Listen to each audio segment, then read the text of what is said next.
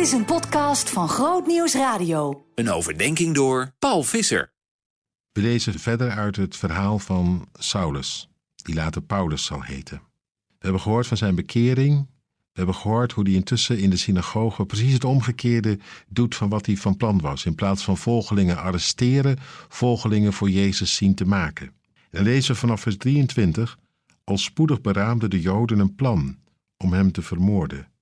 Saulus raakte echter van hun voornemen op de hoogte. Ze hielden zelfs dag en nacht de stadspoorten in de gaten om hem te kunnen doden. Maar Saulus' leerlingen brachten hem s'nachts naar de stadsmuur en lieten hem daar in een mand naar beneden zakken.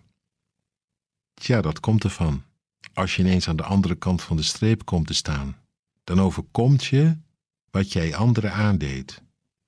Onlangs vertelde iemand het mij. Hij was jaar en dag een overtuigd atheïst. Een christen had hij verguist, belachelijk gemaakt, weggezet, weggehoond ook. En nu, nu was hij zelf tot geloof gekomen en hij voelde datgene wat hij altijd over anderen had gezegd, over die christenen, dat zijn collega's die hem hoog hadden, nu ineens over hem dachten. Vaak nog onuitgesproken, maar toch. Hem echt niet meer konden volgen. Anders naar hem begonnen te kijken. Saulus ontdekt het hier, dat datgene wat hij bedacht had voor anderen, dat ze dood moesten, dat dat nu door anderen bedacht werd voor hem. Dat komt ervan als je komt te staan aan de andere kant van de streep, als je in het spoor van Jezus gaat, dan maak je het mee. Ze hebben mij gehaat, ze zullen jou haten. Ze hebben mij gedood, ze zullen erop uit zijn om jou te doden of op zijn minst de mond te snoeren, uit te schakelen, weg te zetten, uit te rangeren. Sowieso datgene wat jij in Jezus naam te vertellen hebt, af te serveren, belachelijk te maken, weg te honen. Nou ja, de wereld van toen, de wereld van vandaag, altijd weer opnieuw. Lijkt het wel alsof je alles mag geloven behalve dat van Jezus. Het kan niet anders dan dat de hel daar zelf achter zit.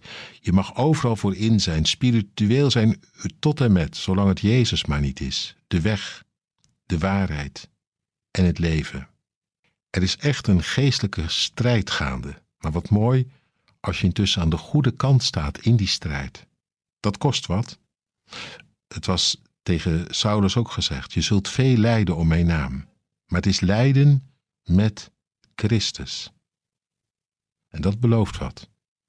Dat belooft niet alleen maar dat je gekruisigd kunt worden en gedood, dat jou kan overkomen wat hem overkomt, maar ook dat je zult delen in zijn victorie en intussen, dwars door het lijden heen, voor velen tot zegen zult zijn.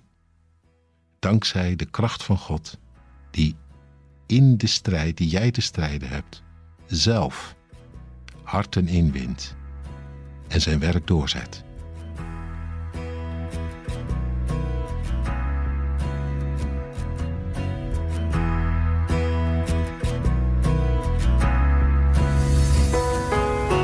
Meer verdieping? grootnieuwsradio.nl slash podcast